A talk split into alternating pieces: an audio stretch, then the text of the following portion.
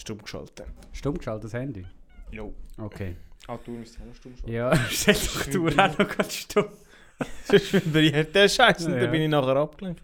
Sehr gut. Nein, das ist halt eigentlich die nicht kein Solo sind. Das wäre wirklich schade. Äh, und damit ein herzliches Hallo. Zurück wieder äh, beim Podcast Limoncello. Heute sind wir nur das Zweite. Yo, yo, yo. Und äh, die zarte Stimme kommt ja von Jan. Wenn wir heute nicht da haben, wer heute nicht am Mikrofon sitzt, ist der, der Micha. Mhm. Er hat es heute leider nicht geschafft, was da daran liegt, dass äh, Erklärt er uns das nächste Mal. das erklärt er uns das nächste Mal. Genau. Nein, man kann es vielleicht schnell sagen. Ja. Der Michael ist in Luzern Ja. und äh, er hat heute ganz, ich glaube, ganz einen wichtigen Termin gehabt. Mhm. Und ähm, ja, dann ich und ich haben gefunden, wir machen uns einen gemütlichen Abend. Ja, gut, man kann natürlich auch sagen, wir haben wir haben ihn auch nicht gefragt. sind jetzt einfach Äh. da. Äh, und geniessen auch mal die Zweisamkeit Mhm. mit euch, allen Zuhörern. Ja. Jan, Ja, du, hast, äh, du, du, du siehst so aus, als hättest du eine Geschichte auf den Lippen. ich sehe aus. Äh, ich sehe wahrscheinlich aus, als ob ich gerade wieder vom Stuhl kippe. Ja, das auch, ja. äh, man muss dazu sagen, Mhm. es ist schon 9 Uhr oder so. Oh. Halb 9, was auch immer. Ganz spannend. Und äh, ja, ganz spät. Für, äh, für einen Student ist es noch nicht spät. ich habe ja gemerkt, ich gehe immer später ins Bett. Irgendwie. Ei, ei, ei. Aber ähm, ja, es ist ja jetzt, wo ja das, äh, das äh, Massnahmenzeug da weg ist, dürfen Was wir für jetzt... Massnahmen? Ja, Aha, wegen dem Corona-Scheiß. Das ist jetzt schon gar, kein- das ist schon gar kein Thema mehr. Ja, ja, ja. Ähm, dürfen wir ja wieder uneingeschränkt äh, Volleyball trainieren. Dürfen wir auch wieder uneingeschränkt Volleyball am Match spielen. Aha. Das heisst, wir haben ähm, am Samstag, am letzten Samstag, haben wir an ein Turnier können gehen. Und Mhm. das erste Mal seit langem wieder wettkampfmäßig spielen und das hat Spaß gemacht. Das hat? Spaß gemacht, nein. wir haben, nein, wir haben nicht mal einen Satz gewonnen. Was bist denn du, Nazi-Liga A, oder was? Und sowieso. Nein, es ist ähm, ein Hobbyverein. es ist irgendwie äh, überhaupt nicht seriös. Es ist mehr zum Plausch. Mhm. Aber so ein bisschen mit, der, dass der, der Wettkampfgeist auch noch ein bisschen drin ist, gehen wir ab und zu an ein Turnier. Früher haben wir auch in einer Liga mitgemacht. Also warte, dann gehen wir an ein Turnier und verlieren einfach jedes Mal, oder wie? Ja, macht doch Spaß. Gut, ja, so kann man es auch machen. Nein, also wenn der Gegner einfach besser ist, kannst du ja nicht machen. Mhm. Also du musst ja wie un unterscheiden. Das macht doch keinen Spaß. Das macht das Spaß. Okay. Also mir, mir macht Spaß zum mal nicht einfach gegen die eigenen Leute spielen, sondern mal gegen Leute, die wo, wo anderes Zeug drauf Ja, haben. gut, fair, ja. Äh, ist lässig. Ich habe äh, im einen Satz habe ich recht einen guten Lauf gehabt. habe ich etwa 10 Anspiele hintereinander gemacht, Oh. ohne dass etwas zurückgekommen ist. Ist das gut? Das ist schon recht gut. Ja. Und so ein Satz geht ja auf 25 Punkte. Ja. Und wenn du dann 10 machst mit dem eigenen Aufschlag und dann irgendwie... Ah, dein Aufst Aufsatz hat gerade 10 Punkte. ja, nicht aufs Mal. Aha. Also, Ja, ja, schon, zehnmal hintereinander hintereinander, ja. Wir sind irgendwie 23,8 hinten gewesen oder so, nachher 23,17 oder so. Gut, und nachher, Dann wenn man wir natürlich die. Jene am Ball lässt, dann ist Ja. immer mehr sicher. Wenn es dann schon um etwas geht, dann... Äh, und es dann auch gut geht. Das ist immer mit dem Service ist immer so ein Thema. Entweder geht es oder es ja, geht nicht. klar, klar. Der Service kann ich auch nicht so gut. Ähm, wir haben ja wir haben mal äh, letzten Winter mitgemacht bei der Volley Night. So von, der PH? von der, ja, überhaupt Studenten, da haben ja alle Studenten mitgemacht. Und ich glaube, verloren haben wir gegen Medizinstudenten, gegen IT-Studenten. Nein, ich habe gegen alle verloren. wir haben hochaus verloren. Aber es war noch cool. Gewesen. Ähm, auch so, man, man hat so ein bisschen erkannt, was für Gegner das wir im Moment hatten. Ja. Gerade bei den IT-Studenten. Haben sie sich so, so mit Verkleidung und so, oder? Ja, also ich voll. nicht, wo bei uns im Gimmi ist so, du hast dich verkleidet Mhm. und äh, da hast du so verschiedene Teams gehabt. Zum Beispiel die einen sind das Team vom Zoo gewesen. Und sind so als Tier- Tierverkleider gewesen. Wir sind als Samichlaus und Rentier gegangen. Also wir sind irgendwie der Samichlaus und Schmutzli und dann noch sechs Rentier Geil. sind wir gewesen. Aber das ist schon länger her. Ja, das haben wir auch gemacht. Also, ähm, ich bin sowieso nur eigentlich eine Vertretung gewesen. Die Gruppe ist zuerst ohne mich entstanden und dann hat irgendjemand abgesagt, dann bin ich dazugekommen. Und sie haben aber auch nicht so recht gewusst, ob sie sich sollen verkleiden und wie. Und dann Ja. haben sie, glaube ich, in einer Nacht- und Nebelaktion noch schnell so irgendwie so ein kleines Geweih aus Stoff Ja. gekauft, das du dann so hast können anlegen Nachher sind wir mit diesen Geweih gespielt, aber die sind immer runtergefallen, wo ich dann keine Sau hatte. Also wir haben sowieso zu wenig für die ganze Gruppe. Ja. Aber es war lustig. gewesen. Und dann hat es so die. Also, man ist immer als Team, entweder hat man gespielt oder man war Schiri. Gewesen. Ja. Und wir haben keine Ahnung von der Regel auch. haben uns ein bisschen schnell müssen informieren vorher. Nachher haben wir so ein bisschen miteinander Schiri gemacht, das war noch lustig. ja. Äh, und die IT-Gruppe, die sind so, die haben mega pingelig auf alles geschaut. Also Oh die, die haben nach, Gott. wo wir Schiri waren, haben sie uns gleich immer gesagt, was wir zu tun haben und was nicht. das war noch witzig. Äh, und nachher auch, wo wir gegen sie gespielt haben, haben sie die ganze Zeit rumprelagert, dass jetzt das wieder nicht gut war und bla bla bla bla bla. Und dann sowohl wir wie auch die Schiris haben sich darüber aufgeregt.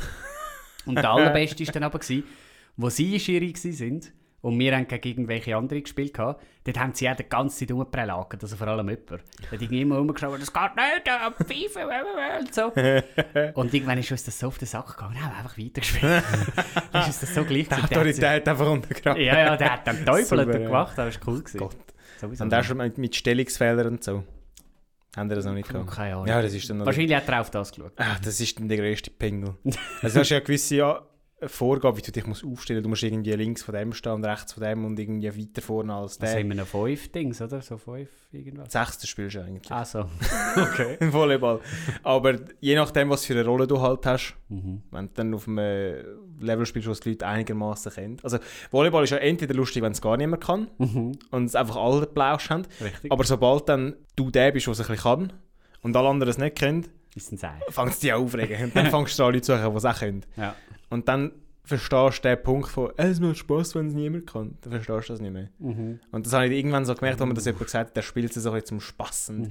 halt mein Kollege, auch nicht kennt, so, das macht Spaß. so, aber ja. Ich glaube, wenn du wenigstens ein paar Mal überbringst, dann ist es ja noch lustig. Ja, aber wenn du nur als Netzschmetter ist, dann Mhm. ist es natürlich überhaupt nicht lustig. Aber das Nein, ist ja, keine Ahnung, nicht. beim Badminton oder so ist es ja auch so. Genau. Oder beim Tennis. Mhm. Allgemein beim Sport. Ja, Also, wenn du etwas einfach so zum Plausch machst. fair.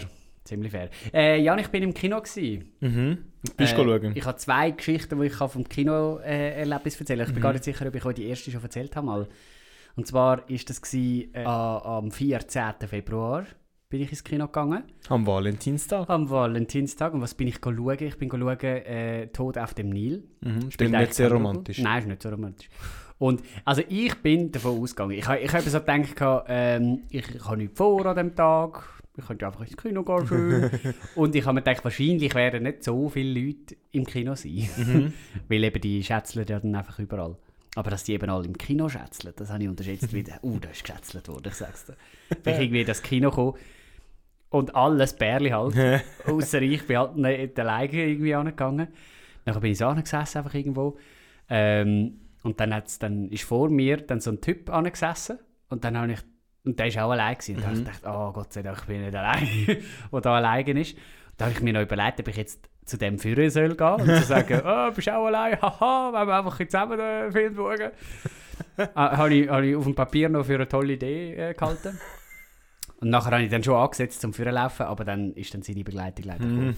Nachher ist äh, vor mir, neben mir, hinter mir geschätzelt worden an Gogo. das war ein bisschen mühsam. Gewesen. Aber der Film war auch noch mittelmäßig. Gewesen. Okay. Ist es ein Oscar-nominierter Film? Ich habe keine Ahnung, ich nehme es nicht an. Würde mich wundern. Schon. Ja, ist okay, aber Gut. ja. Ich glaube, das ist jetzt nicht so ein typischer Oscar-Film. Ja, dann hast du gesagt, hast du noch eine zweite. Ja. ich gedacht, vielleicht hast du noch etwas dazwischen. ist so gut. Kleine Werbepause. Eine kleine Werbepause. Ja, ähm, ich habe eine, ähm, ein, ein Kaffee aufgemacht in der Zwischenzeit. ähm, das findet sich in Wetzigen neben der Kille. Mhm. Und äh, da eine kleine Werbung dazu. Kommen wir mal vorbei. Hey, cool. Unbedingt. Ist das ein Bastelbar oder was ist das genau? Nein, das ist einfach ein Kaffee. Mit der äh, Maschine, die aus einem anderen Kaffee rausgeschossen wurde. Die haben wir können Occasion kaufen. Mhm. Und jetzt haben wir das dort aufgemacht. Super. Und äh, probiert das ein Rollen zu bringen. Und läuft es gut? Noch nicht so, wir haben erst vor einer Woche aufgemacht. Mhm. Wer sind denn äh, wir? Ja, der eine Kollege von der Cefi macht dort noch mit, der so ein bisschen begabt ist mit maschinentechnisch das Zeug reparieren. Und noch ein anderer, der so ein bisschen im Design und im Innenbereich ein bisschen kann. Etwas der hat den Tisch angestellt. oder? Ja, und ich mache den Kaffee. ja, du machst den Kaffee. Bist, äh, kannst du das noch gut? Oder? ja, Knöpfe drücken, gell? also nein, es ist schon, du musst schon Kaffee malen und so, aber ja, das ganze Milchschaum-Design-Zeug, das äh, Kaffeepreis ist ja teurer geworden auch. Die mhm. Inflation hat euch voll verwünscht. Ja? Mhm. Das ist vielleicht gerade ein doofer Zeitpunkt. Ja, du mir denkt jetzt oder nie. ja, also wenn du irgendwie alles nicht mehr rausschiebst, dann fängst du gar nicht an. Ja, das wenn stimmt. du denkst, wenn wir jetzt etwas machen, dann machen wir es jetzt. Sonst Super. äh, fangen wir immer nicht an. Wie heisst es dann? Das Kaffee heisst Pullover. Pullover. Ich weiß keinen Scheiß. Sehr gut. Ja. Sehr gut. Gut. Ähm, ich bin im Kino noch das zweite Mal. Und zwar äh, ist das gewesen, Anfang diese Woche. Gut, wenn der Podcast rauskommt, Anfang letzte Woche. Mhm. Am 25. war es. gewesen. Ist eigentlich eine Wurst. Auf jeden Fall. Anfang letzte Woche. Genau, ist ja, ist ja wirklich Wurst. Ähm, und, ich 22 bin, ist, ah, ist Ende letzte Woche. und ich bin den Film «Wunderschön» bin ich schauen. Ah, wunderschön. Das ist ein deutscher Film. Ah. Äh, so, hau äh, Hauptpersonen sind so, glaub, fünf Frauen, jünger und älter. Mhm. Äh, und da geht es so ein bisschen um die Geschichte von denen, wie, wie die so ein bisschen mit ihrem Körper klarkommen oder eben nicht und überhaupt so ein bisschen so, ja, Probleme als Frau halt. Mhm. Jetzt die, die eine ist zum Beispiel ein Model und wie die, wie die jetzt gekämpft hat, die andere ist irgendwie gerade schwanger geworden oder sch- schwanger gewesen und fühlt sich jetzt irgendwie nicht mehr so attraktiv und hat irgendwie so, ich weiß auch nicht, Schwangerschafts... was auch immer. kenne mich leider nicht aus in dem Business. äh, und eine ist irgendwie, ich weiß nicht, um die, um die 60 rum oder so und ist eh schon langsam ein bisschen alt. Und, we weißt du, Mhm. so. Ähm, genau, und ich habe gedacht, das ist wahrscheinlich jetzt in der Tendenz ein bisschen ein Frauenfilm, aber wird sicher auch andere Männer haben. Wenn ich da allein ins Kino gehe, ist das gar kein Problem. ja. Ich sehe noch, was das so läuft. Ja, also der Kinosaal war halb voll, gewesen, das habe ich schon lange nicht mehr erlebt. Mhm. Und wirklich nur Frauen. Und weißt du, so, nicht so, keine Ahnung, in, in meinem Alter oder so, es sind so kreischende 40-jährige Gabis gewesen, die irgendwie Güppli trinken und so. Und ich habe wirklich gemeint, ich bin, ich bin im falschen Film. Wir sind wirklich all, mega viele Frauen und das ist so, also der Film ist schon auch lustig gewesen. und dann haben sie auch mit gekreischt und giggelt und gemacht und da und so. Und dann, wenn, wenn irgendwie irgendwelche Männer vorgekommen sind im Film, da hat immer irgendwie eine so gerufen, ah, da ist jetzt noch ein Schöner da. So. Ja, ganz, äh, ganz eine üble Sache gewesen. Das ist eigentlich noch eine coole Sozialstudie, so ein, so ein, ein Kinofilm. Ja. Dass das Publikum so. Und ich bin leider relativ früh dort und Mhm. habe mich dann schon mal äh, in die hinterste Reihe platziert. Weil ich mir noch gedacht habe, wahrscheinlich wird es viele Leute haben Mhm. und so. Und nachher sind die halt, all die Gruppen, das vierte, das siebte, an mir vorbeigelaufen und alle so einen Blick so, oh, wa- was macht der da? und ich war halt alleine gewesen. Und dann hatte ich noch so fette Packung Nachos dort. Gehabt. Äh, und dann habe ich mir so den Platz eingerichtet mit meiner Jacke und so, als würde es aussehen, als wäre da noch etwa zwei jetzt. ähm, wo, wo, wo gerade weg ist. Und dann auch so eben die Nachos in die Mitte gestellt Ah, und so die Jacke so ein bisschen ausgekleidet und so. ja, ist aber niemand zweites gekommen. Schade. Genau, und dann bin ich dann... Äh, aber während dem Film ist gut gewesen. Der Film selber finde ich fantastisch. Schon. Ganz ein guter Streifen. Ja. Wunderschön, Aber- du gesagt. Wunderschön heisst er, genau. Mhm. Weiß nicht, ob er noch im Kino ist. Kommt jetzt ein französischer raus? Intouchable. Nein. nicht alle Filme auf Französisch sind Les Intouchables. ähm, ich weiß nicht einmal, wie er heißt. Mhm. Aber ich habe einen Trailer gesehen. Letztes Mhm. ist, glaube ich, im Fernsehen ist ein Trailer gekommen. Ja. Und heisst gleich bald im Kino oder so. Und er hat noch gut ausgesehen. Ist mit dem Gérard Depardieu. Ah, Weißt du, ja, das ist? Weißt du, wer das ist? Ist das der von irgendwie meine Asterix und Töchter Obelix. und ich? Nein, nein, so? nein, das ist der Christian Clavier. Ah, Der andere spielt den Obelix. ach so. Mhm, Ah, der. der mit der grossen Nase. Ja, mit dem dicken Buch. Hat noch gut ausgesehen. Das ist, glaube ich, wieder der. Wir gehen ja den Batman schauen. Richtig. Ende dieser Woche. Oh Also, ja, wenn ihr die Folge dann hört, wenn sie rauskommt, also am Donnerstag, dann ist der Batman schon draußen. Mhm. Und wir gehen morgen. Wenn ihr sie hört, wenn sie rauskommt, gehen wir morgen Batman schauen. Ja, genau. Und das, Genau. Wird, das wird ein Erlebnis, ich sag's euch. Das ist der nächste Film, den ich anschaue. Und nachher der Französisch wird wahrscheinlich der, den ich als übernächstes Ah ja, anschaue. den gehst du dann alleine. Das weiß ich noch nicht. Vielleicht kommt jemand mit. Okay. Ich Aber das weiß ich noch nicht. Nein, oder also wenn du... Ja, keine Ahnung. Wir Ja. schauen. Wir müssen jetzt nicht können noch unsere Agenda führen. Schauen, wenn wir Zeit haben. Ja, und was hast du schon noch so erlebt? Erzähl doch. Ähm, ich habe wieder angefangen mit Fitness. oh, schau Ich bin wieder im Fitnesszentrum aktiv. Und zwar bin ich jetzt länger nicht mehr, gewesen, weil ich bin ja jetzt ein Semester in Freiburg gewesen. Und Irgendein bin, Fan könnte jetzt mal zusammenschneiden, wie häufig wir das in dem Podcast schon gesagt haben. dass ich in Freiburg bin. Ja, das auch. Aber auch ja, wieder mal angefangen mit Sport.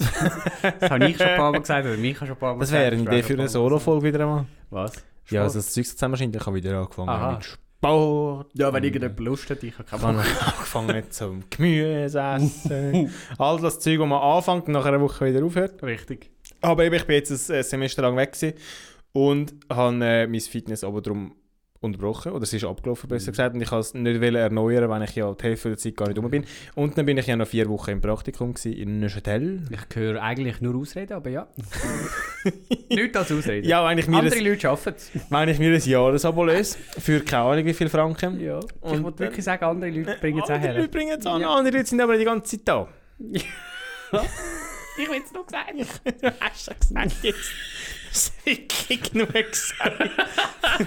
Schon die ganze Woche wirst du nur Ausreden um Ausreden Ja. ankommen. Und jetzt erzähle ich einmal, was ich will. Angefangen an. Und dann heisst es wieder, «Ja, andere bringen es drei. Ja.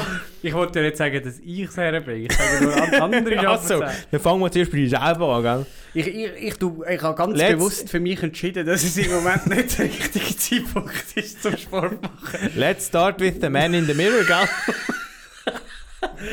Ja, okay. Ja, auf jeden Fall habe ich mein, Ja, erzähl. mein Jahresabo wieder erneuert. Ah, genau, ja. Mhm, und das läuft jetzt wieder. Oh, da muss Und- man natürlich wieder gehen. Ja, da muss man jetzt wieder gehen. Mhm. Ist eine gewisse äh, Obligation damit verbunden. Mhm. Und wenn du dort in diesem Fitness dein Abo erneuerst, dann kommst du automatisch auch ein, ein Coaching über. Ah. Also du kommst wie eine Person über, die, dir, wo, wo sich um deinen Plan kümmert und so und wieder Das ist aber dass- noch fair. Ja.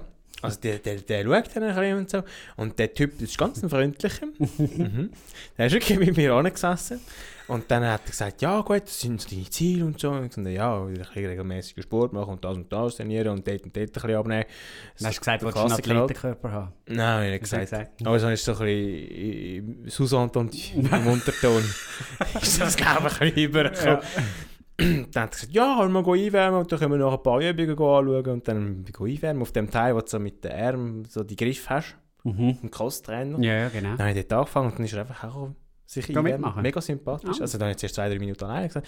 Dann hat er angefangen zu schwätzen und so. Und so, gut, jetzt müssen wir noch eine Minute aufschalten. Das ein bisschen Mhm. schneller gemacht. Und dann, voll sympathisch. Und nachher äh, die Übung und so erneuert.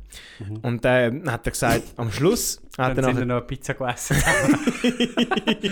ist ein Kebab gestoppt zwischendurch. Kurze Pause gemacht. Nach fünf Minuten. Kebab drücken. Ah, herrlich. Auf jeden Fall hat ich ja gesagt, ich möchte den Ernährung abnehmen und so. Dann hat er das am Schluss wieder angesprochen. Dann hat er gesagt, ja, könntest du bei der Ernährung auch ansetzen. Und dann hat er mir ähm, entweder, also hat irgendetwas vorgeschlagen von wegen äh, die Proteinshakes und so Zeugs und so. Von den, nein, Wahrscheinlich auch noch von seiner eigenen Linie. ja, wahrscheinlich. Nein, ich muss groß aufpassen. Da habe ich keinen Bock drauf. Ja. Und dann habe ich gefunden, ja, etwas anderes, was sehr beliebt ist, ist äh, intermittierendes Fasten. Oh, ja. Sogenanntes 16-8-Fasten. Mhm. Das heisst, man darf während 8 Stunden am Tag essen und während 16 Stunden darfst du äh, nicht. Mhm. Und ja, da bin ich jetzt dran seit, äh, seit einer halben Woche. Mittlerweile, wenn die Folge draus ist, eine Woche. Ich finde Ähm. an dem ja schwierig. Dass gerade am Morgen eigentlich, wenn du ja aufstehst und dann musst du ja mit Energie in den Tag starten, dass man dann Mhm. ja eigentlich sollte etwas essen und nicht erst irgendwie, keine Ahnung, um 10 oder 11 wenn Mhm. du da irgendwie schon drei Stunden am Studieren bist. ist doch irgendwie doof, nicht? Ich habe am Morgen eben eh fast nie Hunger, wenn ich früh muss aufstehen. Wenn ich um 6 Uhr muss aufstehen, esse ich amigs gar nicht. Ich esse ein Joghurt am Morgen und trinke einen Kaffee. Mhm. Was jetzt halt, was ich viel mehr Mühe habe im Moment ist, Ja, dann darfst du dann auch nicht mehr trinken, den Kaffee. doch schwarz schon. Ah, Du darfst, ja, Ja. das ist noch, äh, teilweise, je nachdem wie du machst, wenn du so, so einen Filterkaffee daheim am Morgen, Mhm. so einen Krug, der ist nicht so geil, schwarz, weil das setzt sich der Kaffee mit der Zeit immer ab. Mhm. Und wenn du nicht rührst zwischendurch, dann hast du am Schluss einfach noch so einen, so einen, Dez, einen halben Deziliter Kaffee, einfach so bitter und sauer. Mhm. Und dann schüttelt es dich an, wie gesagt, das. Leck, du wirst es grusig. Aber ähm, ja, der, der Kapselkaffee ist eigentlich noch geil schwarz. Mhm. Ähm, und Tee natürlich ist auch kalorienlos. Und Wasser logischerweise. Gut, Aber ich das muss ist ja weniger das Problem. Ja, wenn man den Kaffee schwarz trinkt, wa- was dann amig finde ich noch hilft, damit er nicht mehr so grusig ist, ist, wenn du noch einen Gutsch Milch drin tust. Ja, du darfst eben nicht ins Kalorien ja drin haben. Ganz ein schlechter Gag. Ein. Ja, ein bisschen Zucker ist auch noch ganz gut, wenn du schwarz Und auf Kalorien musst du verzichten. Ja. Ja, jedenfalls nicht. Es ist nicht der Morgen, wo man es arbeiten macht, es ist der Abend. Ah, Mein Essensfenster ist ja von 12 bis 8. aber du bist doch in so einer Schweizer Familie geboren, wo, wo gerne mal um 6 isst. Mhm, das ist ja so. Ähm, das war lange kein Problem, gewesen, aber wie du ja weißt, bin ich mal drei Monate in Frankreich. Gewesen. Oh. Und in Frankreich isst man am 9 Uhr Nacht. Oh. Oder am halb 10 Oder am 10 Uhr. Ja, ja, ja, ja. Das heisst, bei mir hat sich das irgendwie behalten, dass so um die 10, halb 11 bei mir so ein Hüngerli aufkommt. Mhm. Und dann ist die Verlockung eben amix noch gross, dass du sagst, hm, ich laufe mal zum Kühlschrank und schaue, was es hat. Mhm. Und das Problem im Moment ist vielmehr, dass ich mich dann zusammennehme und dann halt einfach einen Schluck Wasser nehme und nicht zum Kühlschrank laufe, sondern nur noch ein Brötchen strich. Oder den Ofo-Crunch kann für holen und man nicht ein Brötchen macht. ähm, sondern dass ich die effektiv nachher... Ähm, ja, nein, ja, jetzt gehen wir jetzt durch. Aber wirst du das glücklich, Jan? Ich weiß es nicht, ich probiere es jetzt erst eine halbe Woche aus. Ich kann Ah. aber nicht sagen, ob es mich glücklich macht. okay, ja, das Ich habe es auch die ersten zwei Tage nicht geschafft, muss ich ehrlich sagen. Also du machst das seit einer halben Woche und hast die ersten zwei Tage nicht geschafft. Also die, gestern und vorgestern habe ich es geschafft. Mhm. Und ich habe das Gefühl, wenn du so zwei Tage mal dir bewusst wirst, dass es geht, Ja. Ist es nachher auch einfach zu sagen, hey, gestern ist es auch gegangen. Mhm. Das ist so ein das, der Ja. Habitus, Ja, den man sich aneignet. Aber so gerade von 100 auf 0 ist ja eh immer schwierig. ja. Mit allem. Also du kannst nicht einfach etwas komplett abstellen und es einfach heisst, am 8 Uhr darfst du nicht mehr essen. Aber ich frage mich ja sowieso, gerade bei so Sachen, weißt du, warum mache ich denn das? Und vor allem, werde ich da damit glücklich? Ganz eine philosophische Frage. Also Ja. natürlich, Also das vielleicht Ding ist- nimmst du damit ab, ja. Mhm. Das macht dich dann langfristig schon glücklich. Aber, also ich weiß es nicht, aber äh, Mhm. bis dahin ist es ja dann irgendwie so eine doofe Zeit, wo du dann irgendwie dich selber musst einschränken und dann kannst äh, ich meine, Essen ist ja so etwas Lässiges. Ja, es ist so. Wenn du dich so musst einschränken ist doch auch nicht geil. Es hat diese Seite. Auf die andere Seite habe ich es bis jetzt halt wirklich noch nicht lange ausprobiert. Und es ist wirklich Mhm. einfach zum Ausprobieren. Ist es etwas für mich? Gut, probieren geht überstudieren. Richtig. sowieso. Und du, äh, du noch lange einfach überlegen, ja, hm, ich könnte es machen, aber dann kann ich nicht messen. Und, dann, äh, äh. und jetzt habe ich gedacht, ich probiere es mal zwei, drei Wochen aus, oder drei, vier, bis ich das erste Mal mit dem Typ zusammensitze und dann vielleicht sage ich, hm, es geht einfach nicht, probieren wir 10, 14. Mhm. Dann bist du ein bisschen weniger eingeschränkt. Dann musst du einfach ein bisschen mehr schauen, was das ist. Es Mhm. geht glaube ich einfach darum, dass der, der Magen- und der Verdauungssystem ein bisschen Pause hat zwischendurch. Aber ja, es ist im Moment selber, wenn du so merkst, ich habe eigentlich Hunger und Bock, um ein bisschen etwas zu essen, ist schon nicht so cool, wenn du nachher findest, hm, aber ich muss ja eigentlich, ich darf eigentlich nicht. Mhm. Auf die andere Seite, wenn du ein bisschen auf, aufs Gericht am Schauen bist, Mhm. wie ich es im Moment bin, ist es ja auch nicht wirklich produktiv, wenn du zu Abend am 11 Uhr noch ein Brötchen kannst streichen. ja, fair. Und äh, dann finde ich, ja, also Und es stärkt wahrscheinlich auch den Willen. Ja. Also, Und wenn ich schon das abstelle, dann äh, kann ich es auch Morgen. Am Morgen ich nicht gesagt, du wirst dann jetzt Mittag nachher umso geiler. Mhm. Und Okay, dann gut. denkst du, geh mal ein bisschen einfetzen. Ja. Aber eben, ich verstehe voll den Punkt von, ja, es macht dir dann keinen Spass, wenn du es machst. Und es gibt ja auch den Punkt, wo du irgendwie sagst, ja, man kann es einfach auf den Körper hören und was der Körper gerade braucht. mhm. Finde ich eigentlich auch fair. Aber wie gesagt, probiere ich gerade überstudieren. Ja, voll. Mhm. Ja, es macht ja auch Sinn, dass man sich nicht immer alles, also äh, dass man nicht allen äh, Gelüsten gerade nachsäckelt und so. Richtig. Auch sich mal ein bisschen bewusst, also das ist ja dann auch so ein bewusstes Essen viel mehr. Und Ja. bewusst essen ist sowieso viel besser als, Also einfach einstoppen. als einfach reinstopfen und nebenbei noch am Laptop sein und irgendwie etwas schauen. Ja, voll. Und es ist alles in Kombination mit dem Sport. Ja, Ob das dann längerfristig auch noch etwas bringt. Richtig, der Sport kommt ja dann auch Wird sich dann zeigen. Herrlich. So, die mit Gut. dem Fitness-Nick. Bei mir? Mhm. Ja, ich, bin, ich habe wirklich ich habe gefunden, mm, Ich brauche mal eine Beziehungspause. Im Moment ist Schücki nicht so gut. Ja, es ist. Ähm, mhm. Ich, mich, ich glaube, ich habe mich zuerst müssen selber finden wieder. Mhm. Wieder, wieder herausfinden, was will ich eigentlich, was brauche ich eigentlich. Sie ist eigentlich selber glücklich gewesen, bevor du noch mit anderen glücklich reden. Genau. mit, mit, mit, mit, mit, mit mir selber klarkommen zuerst. Mhm. Und dann kann ich natürlich dem Trainer auch sagen, Schau, ich bin echt zufrieden. Aber wir Mhm. können gerne machen, wenn du willst. Wir hätten es gerne. Du meinst, wenn wir deine Proteinshakes gerne mal degustieren? wenn wenn wenn es dir wirklich Freude macht, dann degustieren wir Ja, den ich Scheiß. probiere halt mal. Aber dann hörst du nachher auf. Nein, Sport, ja. Ähm, ich werde ja wieder mal anfangen mit, mit Badminton, das finde ich Mhm. etwas ganz Lässiges. Und es gibt ja von den Studenten Zürich ASVZ. Schmeiß, genau, ASVZ, aber bis jetzt habe ich es nicht fertig gebracht. Das ist aber auch schnell ausbuchen. Du. Ja, das ist auch schnell weg. Ja, und dann, dass du da noch mit einem Gespönli dort kannst, ist ja die Chance nicht so groß. Mhm. Da bin ich jetzt einmal am probieren. In Fribourg hat es auch so ein Angebot gehabt, aber die sind lange nicht so schnell ausgeschrieben wie da. Mhm. Da hat es so 40 Plätze gehabt. Gut, wer ist schon. Freiburg? Ja, eben. Juckt Das ist dann die nächste Frage. Freiburg hat man andere Probleme. Man redet Französisch zum Beispiel. ja, ja, wir haben Ja, wirklich ein grosses Problem, das dort haben. ganz, andere Probleme. Ganz grosses Problem. Ja, und ähm, ich würde sagen, mit unseren weiteren Problemen... Warten wir auf ein anderes Mal. Genau. Aber du, was hast du in letzter Zeit? Jetzt haben wir viel über mich geredet. ja, jetzt habe ich zwei, zwei Kinogeschichten Ja, erzählt, gut. schön. Aber Äh, unterwegs bist du ja noch gewesen, ne? Ja, am Wochenende, genau, Mhm. bin ich noch wandern. Aber, also, ich bin ja der Typ Mensch, der sehr, sehr viel plant. Also du ja noch viel mehr, was, also weißt du, weißt immer planst. Aber ich bin Ich plane viel mehr, als ich mache. auch, aber, ja, ich bin, ich bin auch häufig verplant. Ich, irgendwie äh, renne ich da auch viel meinen Gelüsten an, mal Mhm. da noch etwas machen, mal dort noch go, go mithelfen und bla bla bla.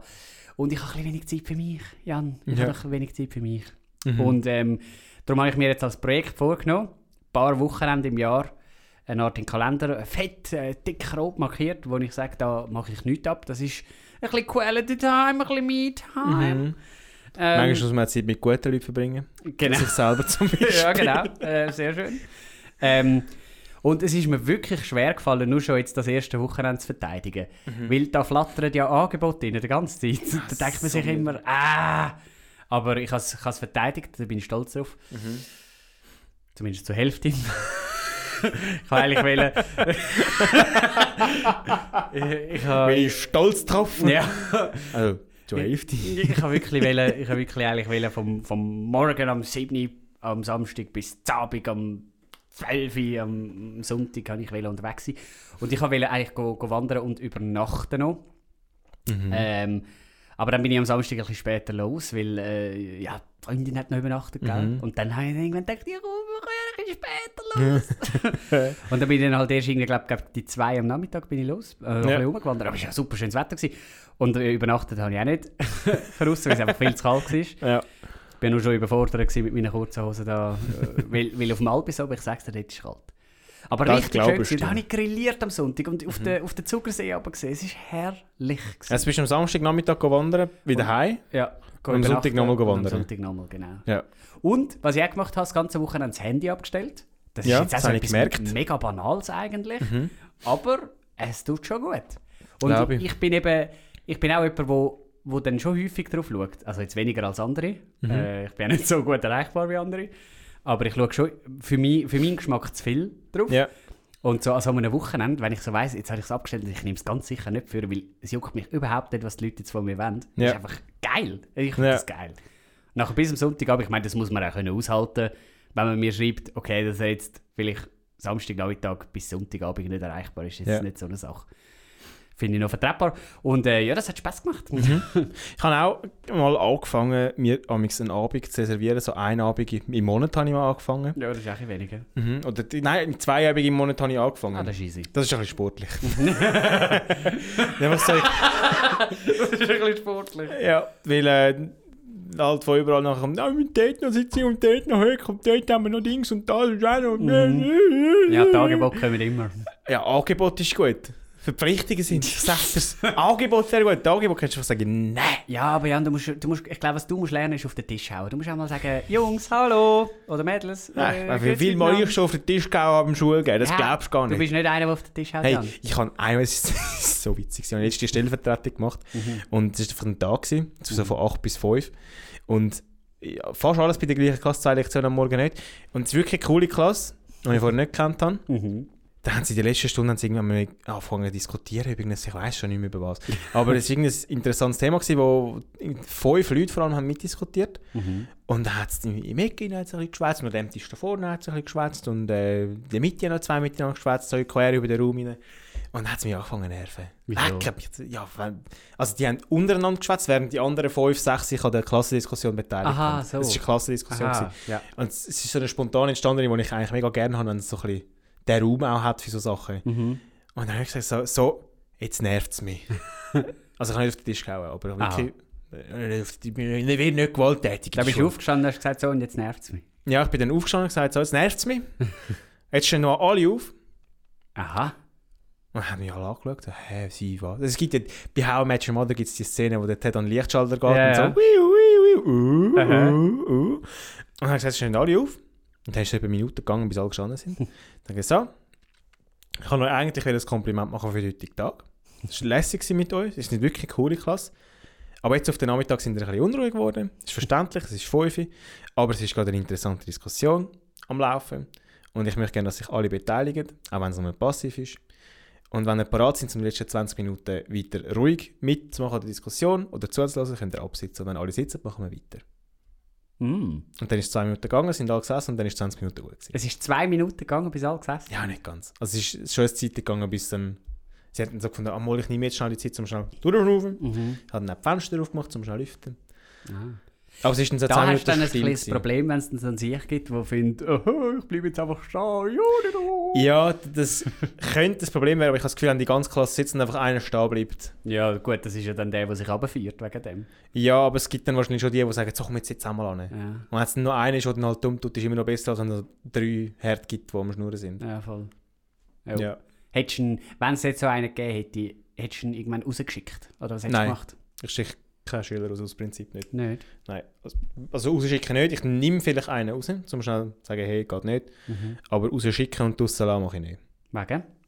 Ja, keine Ahnung. Also bei uns in der Primar ist das gang und gäbe. Echt? Ja, schicken wir gerade heim. Kommst du ins Heim? Das lernen wir so. Echt? Nein, also, ja.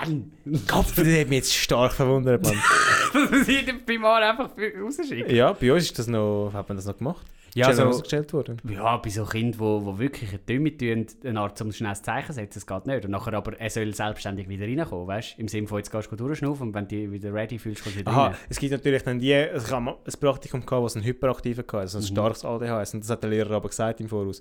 Und dem habe ich vor der Stunde gesagt, so musst du noch schnell rausgehen säckeln. Ja. Weil der amigs schnell aus der Schule ausgesäckelt und dann gemerkt hat, hm, er muss sich jetzt schnell abregen. Mhm.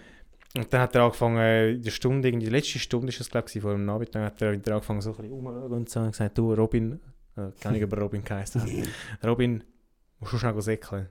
Sie ja bitte. Es wäre witzig gewesen, wenn er gesagt hätte, nein, ich muss schiessen.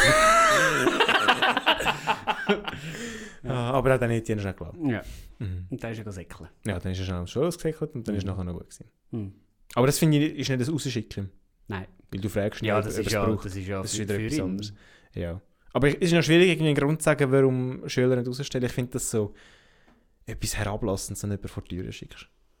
Ja, ja. Es ist so ein bisschen, ich bin da und du bist da unten und du gehst vor die Tür. ja, aber es ist auch ein Es braucht es, aber ich finde es ein, bisschen ein krasses Zeichen irgendwie. Es kommt natürlich immer darauf an, was, was im Unterricht passiert ist. Ich würde das jetzt auch nicht so als Lösung nehmen, von wenn einer ein bisschen doof tut, dann schickst du den mal raus. Mhm. Das ist mal saudumm, aber das ist so ein bisschen, finde ich jetzt noch so als Also letzte... ja, wenn er einem anderen die Hand abhackt, dann klar schickst du ihn halt raus. aber ja, Überlegst noch mal ganz gut, was du gemacht hast. ob es es wirklich gebracht hat. hast du dein Ziel erreicht? ist das das, was du heute Morgen überlegt hast, dass du es machst?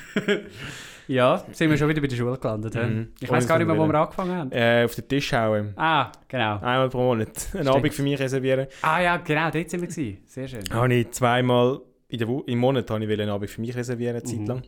Und eben dann sind halt von allen Seiten, wir haben das machen und das noch machen. Und dann ist halt mal ein Monat im, in dem, ein Monat im Abend. Aber, aber warum? Also, es kann doch nicht sein, dass an de, genau an dem Tag, dass du dann musst etwas machen. Es kann doch auch sein, dass du sagst, hey, ich mache es einen Tag später oder können wir nicht heute? Das Ding ist, wenn, wenn du etwas musst planen und du das Sechste bist und du bist der Einzige, der an einem Tag nicht kann, wo alle anderen können und an allen anderen Tagen in der Woche geht es mehreren nicht. Ja, aber jetzt mal angenommen, ich meine, so einen Termin musst du ja so wahrnehmen, wie ich weiß doch nicht, dass keine Ahnung, eine Hochzeit oder eine Beerdigung oder dass in der Ferien oder was auch immer bist, dann bist du einfach, dann kannst du einfach nicht, dann hast du einen Termin, dann bist du für dich da. Ja, ich habe wie gemerkt, zweimal im Monat ist ein viel. Weil, Zweimal im Monat für sich selber da sein. Ja, ich habe irgendwie gefunden, es ist viel. Mhm. Und habe gefunden, einmal im Monat ist auch okay, dafür irgendwie den ganzen Abend und dann aber wirklich. Mhm. Und das habe ich nicht verteidigen. Was eben auch noch ein Trick ist, so mache ich es. Es hat nämlich ein Wochenende jetzt auch schon gegeben, wo ein cooles Angebot gewesen wäre, wo ich Mhm. dann eben mein Wochenende, wo für mich reserviert war, hätte müssen sausen lassen. Mhm. Und dann bin ich so clever gewesen und habe es um eine Woche verschoben. Dass mein Wochenende ein Wochenende später ist so. So dass ich wie eine Art kein Wochenende streiche, sondern Ja. einfach ein bisschen umeinander schieben. Stimmt, das wäre vielleicht eine gute Lösung gewesen. Ja. ja. Aber äh, im Moment ist gerade so viel los mit pH und Zeug und Sachen, da wird der Abend für sich noch schwierig. Ja, aber Jan, es ist immer Aber es tut los. gut. Es ist immer Es, viel das los. würde eben, glaube ich, schon gut tun. Mhm. Aber ich habe jetzt so viel Abend für mich gehabt. Hast Ich glaube, für die nächsten drei Monate. ich habe noch nichts gemacht in der letzten Woche. Aha, gut. Ich habe am Wochenende so viel vorgenommen zu machen, ich habe nichts gemacht. das ist etwa für die nächsten drei Monate Zeit für mich. Sehr gut.